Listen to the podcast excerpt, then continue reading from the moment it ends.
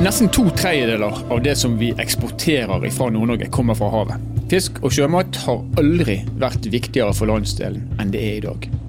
Men snart kommer taksonomien, og den kommer til å treffe også denne næringen. Og hva skjer da?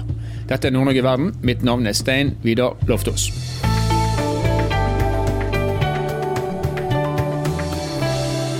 Vi skal straks få møte tre personer som eh, hver på sin måte må forholde seg til taksonomien for fiskerinæringen. Men aller først skal vi forsøke å beskrive hva taksonomien egentlig er. Og det er slik at EU, for det er EU, sin taksonomi den ble første gang lansert av EU-kommisjonen tilbake i 2020. Og Det er en viktig del av EUs plan for den grønne omstillingen ofte omtalt som EUs eh, e grønne giv. Og Planen er en vekststrategi som skal gjøre EU-regionen til den første klimanøytrale regionen i verden. Og Det skal skje innen år 2050. Altså helt i tråd med klimakuttavtalene i Parisavtalen fra 2015. Eh, og så er det Formålet med taksonomien det er altså å fremme en økonomisk aktivitet som er bygget på prinsipper for bærekraft. EUs taksonomi tar utgangspunkt i seks overordnede miljømål, og til hvert av disse miljømålene så fastsettes det kriterier for miljø og bærekraft, som alle virksomheter etter hvert kan bli målt på når de søker tilgang på finans. Og Disse miljømålene er som følger å begrense klimaendringer, det er det første. Klimatilpasning er det andre. Bærekraftig bruk og beskyttelse av ferskvann- og havressursene er det tredje. Omstilling til sirkulær, sirkulære løsninger er det fjerde. Og så er det forebygging og bekjemping av forurensning som er nummer fem. Og det sjette er beskyttelse og gjenopprettelse av biologisk mangfold og økosystemer. Så er det slik at De to første av de seks vi nevnte nå, de ble introdusert i 2021. Men eh, fiskeri- og havbruksnæringen, som vi skal snakke om i denne episoden, var altså ikke inkludert i det. Og så kommer da regelverket for det som da kommer til å omfatte fiskeriene. Det var sendt ut på eh, høring i 2022. Og dersom de kommer til å bli vedtatt, og det tror vi jo, så kommer de til å gjelde alle bedrifter i fiskerinæringen som har behov for finansiering. Og Norge er gjennom vårt medlemskap i EØS underlagt mange av de samme reglene som alle vanlige EU-land er. Og siden EU påvirker Nord-Norge, da, så har Nord-Norge gått til det skrittet og opprettet et eget, kontor, et eget kontor i EU-hovedstaden i Brussel. Og Nils Kristian Sørem Nilsen han leder dette kontoret, og nå er han med oss her på Nord-Norge i verden. Velkommen til oss, Nils Kristian. Takk skal du ha. Du, eh, Bare for å ta det enkleste helt først. da. Hva er Nord-Norges europakontor i Brussel for noe? Ja, eh, Nord-Norges europakontor er jo det er en av seks norske regionkontorer eh, som er representert eh, her i Brussel. Vi er eid av de nordnorske fylkeskommunene og har i tillegg seks nordnorske partnere som er med på å forme vår hverdag og det vi skal jobbe med. Vi, vi er et servicekontor for Nord-Norge her nede, og vi skal bl.a. fremme og profilere nordnorske interesser og miljøer overfor europeiske instanser. og I tillegg til at vi skal bidra til regional utvikling gjennom økt europakompetanse, bl.a. Og så skal vi bidra til at uh, nordnorske miljøer kan uh, utnytte de mulighetene som EU og EØS-avtalen gir. Og vi skal koble aktører fra Nord-Norge sammen med aktører i EU. Bl.a. rundt deltakelse i prosjekter, nettverk og allianser. Og så skiller vi oss litt ut fra de andre eh, norske regionkontorene. Vi eh, jobber bl.a. som en eh, lobbyingaktør i Brussel. Det er bl.a. for å fremme nordnorske interesser innenfor EU eh, sin arktispolitikk, innenfor regionalpolitikken, innenfor statsstøtteregelverk og mye annet som handler om forvaltning, også når det gjelder hav en hel uh, rekke med ansvarsområder, med andre ord. Og Nå har jeg redegjort allerede for taksonomien og hva taksonomien er.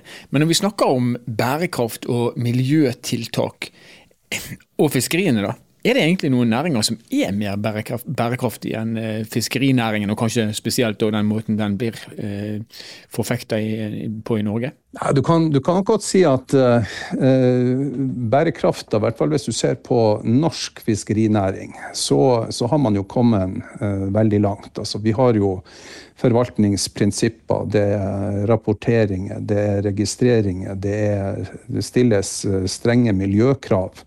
Allerede. sånn at i europeisk sammenheng så er jo eh, norsk fiskerinæring eh, veldig godt forberedt på, på, det som kommer.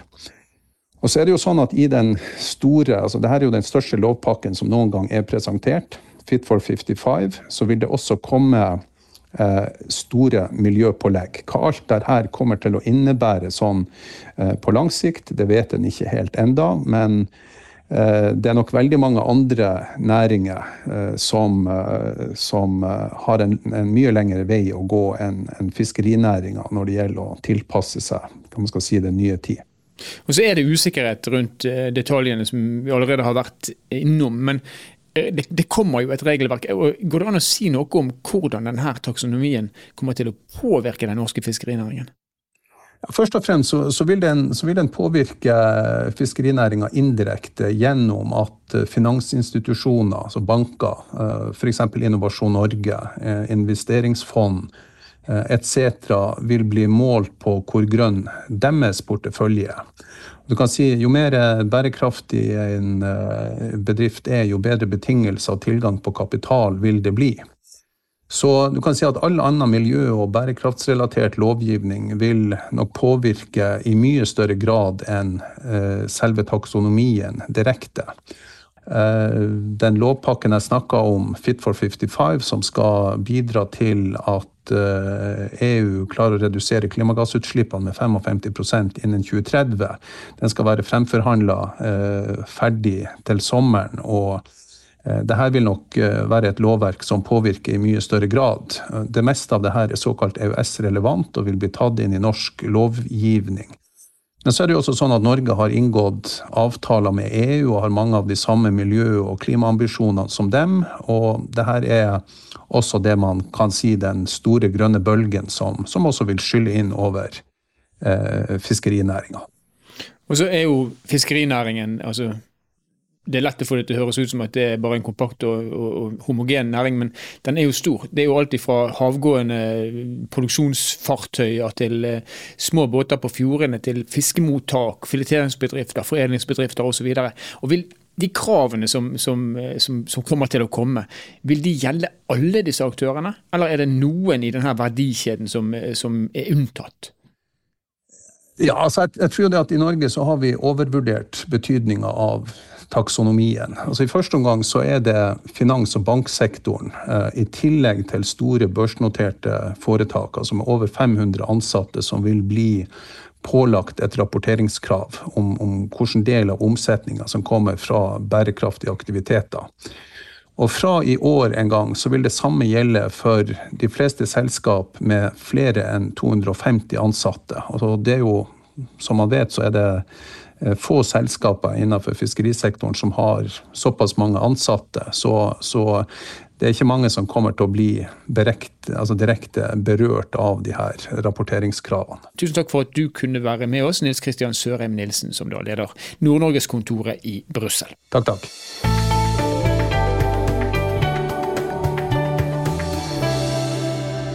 Hvordan påvirkes så næringen av taksonomien? Og For å belyse det, så skal vi snakke med to representanter for næringen. og Først ut er Tommy Torvanger. Tommy han er CEO i Nergård, en av landsdelens største fiskeriaktører.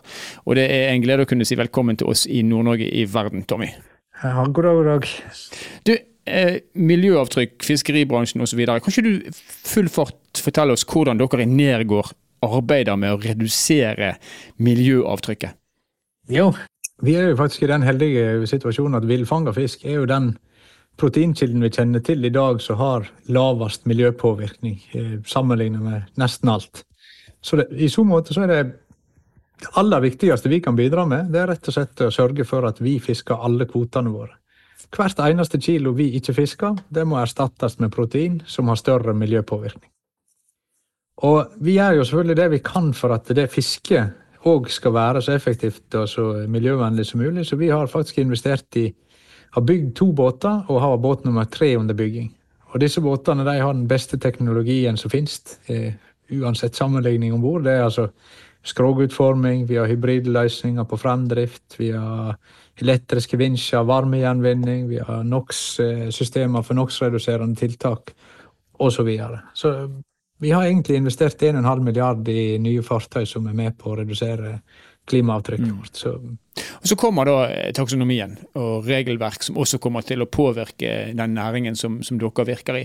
Eh, når du ser på det som foreløpig foreligger, eh, det er jo ikke hogd i stein ennå, men det som foreløpig foreligger, hvilke muligheter vil det gi dere? Hvilke utfordringer vil det gi for, for, for næringen som sådan?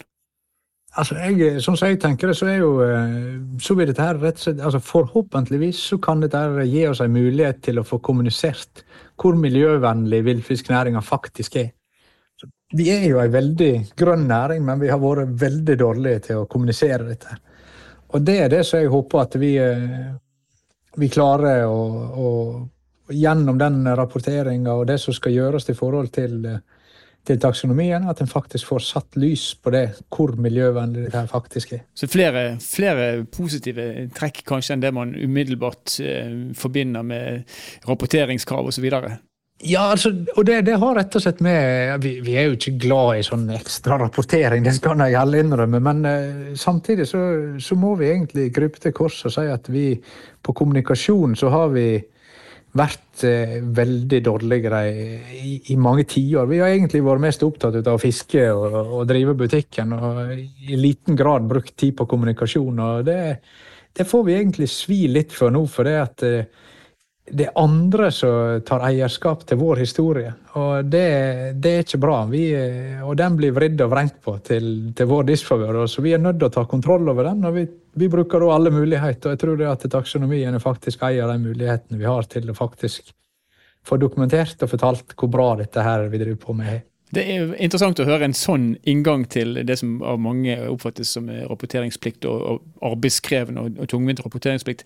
Eh, men det som vi vet, da, det er at eh, altså Du sier at dere gjør mye riktig allerede, men det kommer til å bli mange parametere det skal rapporteres på. Er det noen av disse her parametrene som du ser vil være en stor utfordring for eh, måten, altså sett opp mot måten dere driver fiskeri på? Det, det, er et, det, er jo et, interessant poeng, og i og med at vi ikke er med og utformer disse reglene. For eh, De norske fiskeriene er jo de strengest regulert i hele verden. Og Dessverre så er det jo en del av disse reguleringene som er jo blitt til over mange tiår, og de er ikke optimale eller uttenkt i forhold til å redusere klimaavtrykket. Vi har eh, bonusordninger, vi har overregulering, så alle er med og bidrar til et olympisk fiskeri der det er om å gjøre å fiske, fiske opp så mye som mulig så fort som mulig. Og eh, det, det, det, er ikke ideelt klimamessig. Og så har vi òg manglende fleksibilitet, f.eks. For i forhold til å overføre kvoter mellom fartøy. Selv innad i samme rederi, som òg legger begrensninger på hvor fornuftig du kan tilpasse deg i forhold til eh, ja, i forhold til å bruke så lite drivstoff som mulig for å få opp kvotene dine. Og der er jeg litt redd for at vi kan, eh, vi kan komme til å, å komme i en ja, vi blir mellom barken og veden mellom kravene fra taksonomien og kravene fra den norske fiskerireguleringen. Mm. Og så er det, Når man går i detaljene, og det er ikke sikkert du, du kan svare på strak arm, men jeg stiller spørsmålet likevel. Eh, man snakker jo f.eks. om dette her med å forhindre skade på marine habitater. Og Da er trålsektoren trukket fram som en, sånn, eh, en sektor som, der ting må gjøres helt annerledes. Altså Bunntrål er f.eks. en aktivitet som man mener har et så stort skadepotensial at det kanskje ikke kan, man kan fortsette med det. Er det noen av disse her eh, parametrene som, som, du ser kommer til å være begrensende for, eh, for Nergård? Altså, hvis en eh, forbyr en bunntrål, så, så, vil jo det være en ny Da, da må en jo da vil det jo være rett og slett et, en mismatch med de norske fiskerireguleringene. For vi som har torskekvote f.eks. i dag, vi er jo pålagt at trålen skal berøre bunnen til enhver tid. Så vi har ikke lov å løfte den ifra, ifra havbunnen, selv om vi i mange tilfeller kunne tenkt oss og ønska å gjøre det. Både av miljøhensyn og, og for et eh, fiskerimessig eh, tiltak. Så, så, det er jo eh, å håpe at det kan være en modernisering. Men det er òg det her er òg basert på en del kunnskapsløse når en driver og snakker om hvor store områder det er. For det som er realiteten i dette, er jo at veldig mye av fiskeriene foregår i nøyaktig de samme områdene år etter år. og Det, det, nærmest, der er nærmest et, eh, et nett av, eh, av hva vi si, veier i, eh, oppi, oppi havet der folk der en tråler. Der er sånn riksveinett, nærmest, der den tråler for En ønsker jo ikke å tråle i, i nye områder eller i, i områder med koraller og sånt. For det, da, du, da, vil du få koraller om bord i båten du vil ødelegge bruk, og det er rett og slett eh, ikke bra for fiske å havne ut i disse områdene der. Så det, det vil en se hvis en ser nøye på, på disse her eh, kartene, at de områdene der en fisker, er faktisk et veldig begrensa eh, areal i forhold til eh, det totale. Det, det, er et lite område en totalt sett fisker på. Ja. Men sånn Helt oppsummert og helt til, slutt, Tommy. Altså, taksonomien er jo, den kommer jo enten vi liker det eller ikke, og vi kan gjøre vårt beste for å påvirke den sånn at den kan være tilpasset norsk fis fiskeri. Men eh, det er kanskje et dumt spørsmål. Skulle du helst vært taksonomien foruten, eller tenker du at, eh, at de gode elementene i dette her oppveier de, de dårlige? jeg har jo til gode å se et eneste positivt. Altså, ikke, vi vet jo ennå ikke noe positivt med dette. Det er jo det som er, det er jo, det er jo veldig tidlig ennå. Vi, aner jo ikke helt hva det skal bli. Og jeg er liksom, Intensjonen med å belønne eh, de gode Altså de, de, tiltakene som er miljømessig gode, det, det syns jeg jo er, er, kjempebra. Men så gjenstår det å se, da. Altså det, det, det som jeg frykter oppi dette her, at, eh, at du kan få eh, du kan få utslag av det som vi ser i Norge, der, eh, der elektrifisering av sokkel, Melkøya og den type ting blir pekt på som miljøprosjekt, når det i beste fall er å flytte utslippet fra en plass til en annen. og det, det, det er det som jeg, jeg, håper, at dette her kan faktisk være basert på reelle tiltak som gjør noe, i stedet for å bare være skinnmanøvrer for å for, ja, for, for som kan kommuniseres. Det, det, er den store frykten oppi det hele.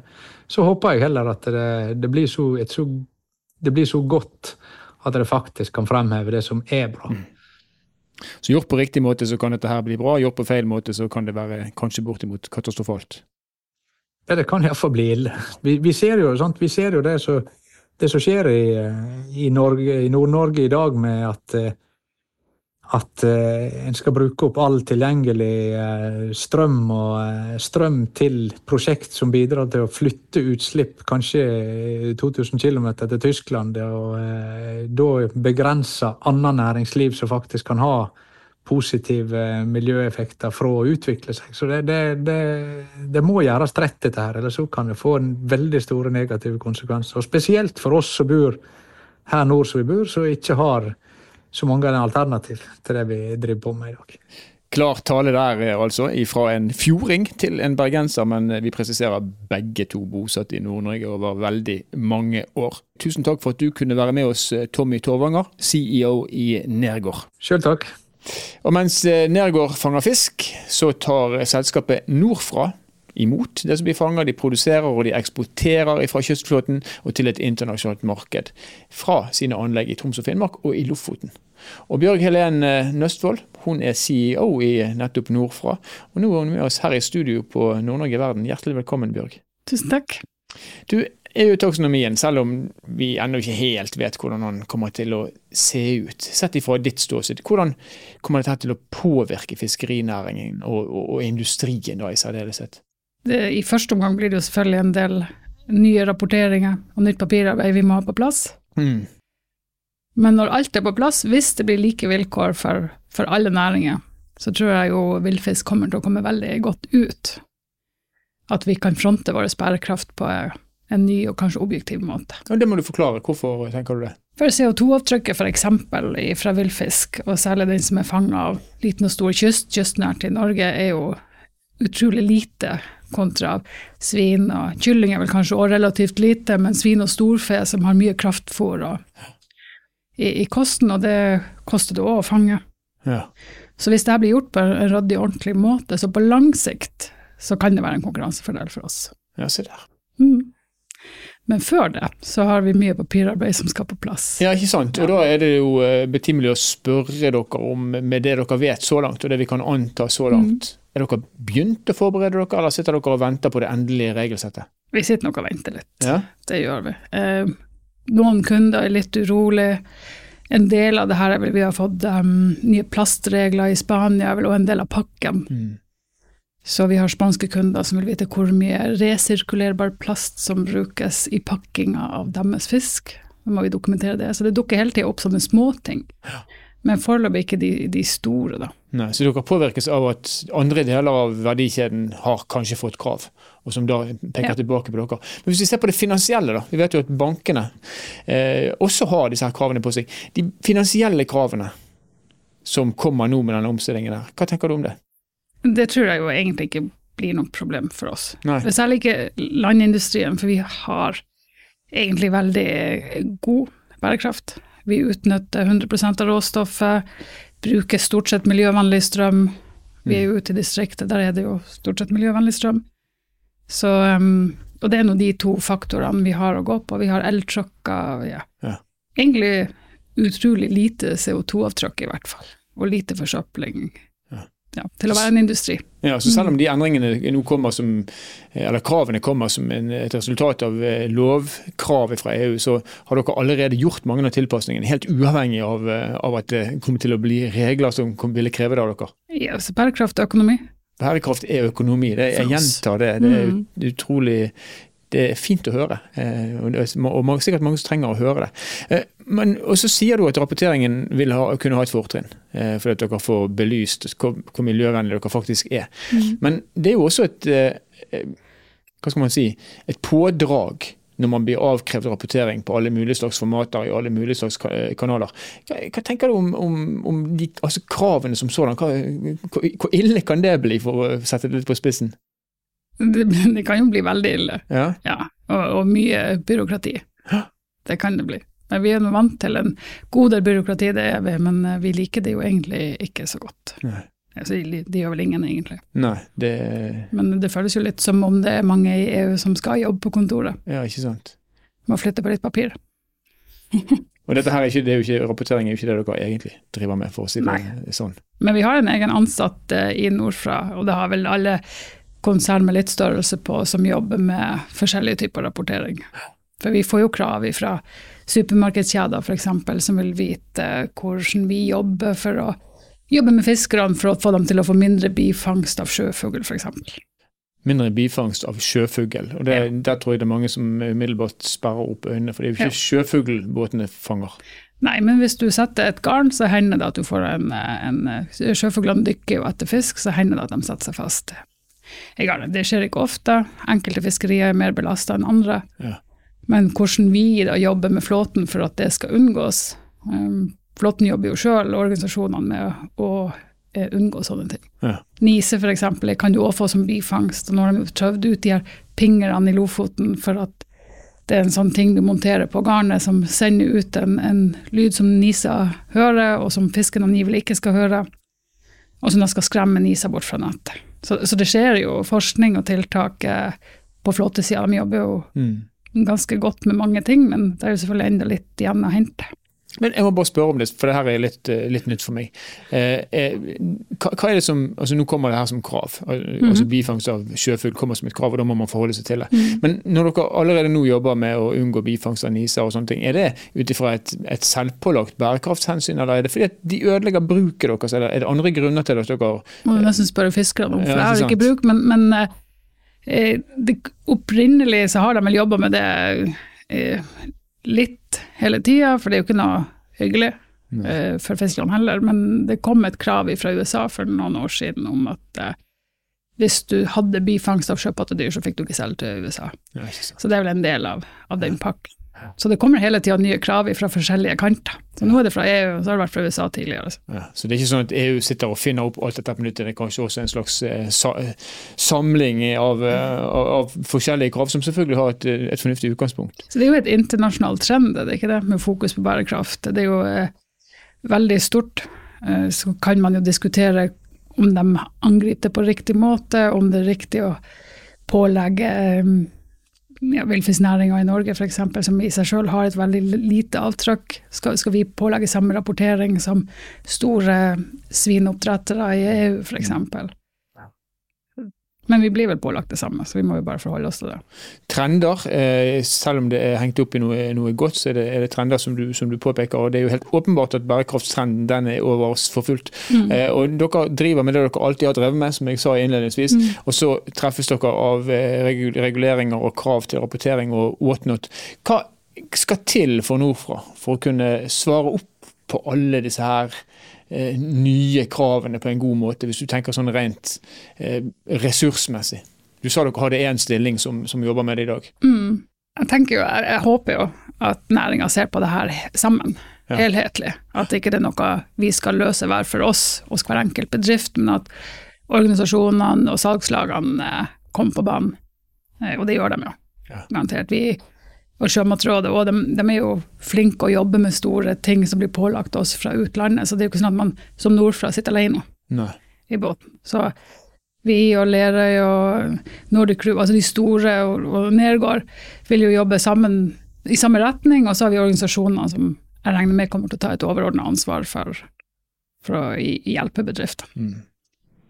Så spurte jeg Tommy eh, helt til slutt, jeg skal gjøre det med deg også, for du, du, du peker på at uh, oppbemanningen i EU åpenbart, åpenbar, åpenbart er, er, er, et tema. Da, men, mm. Og bærekraft er en trend, sier du. Men er det, sett ifra, ifra deres ståsted, er det, er, det, er det mest positivt med det som kommer nå? Eller tenker dere at det er mer hessel enn det, enn det er positivt outcome av det?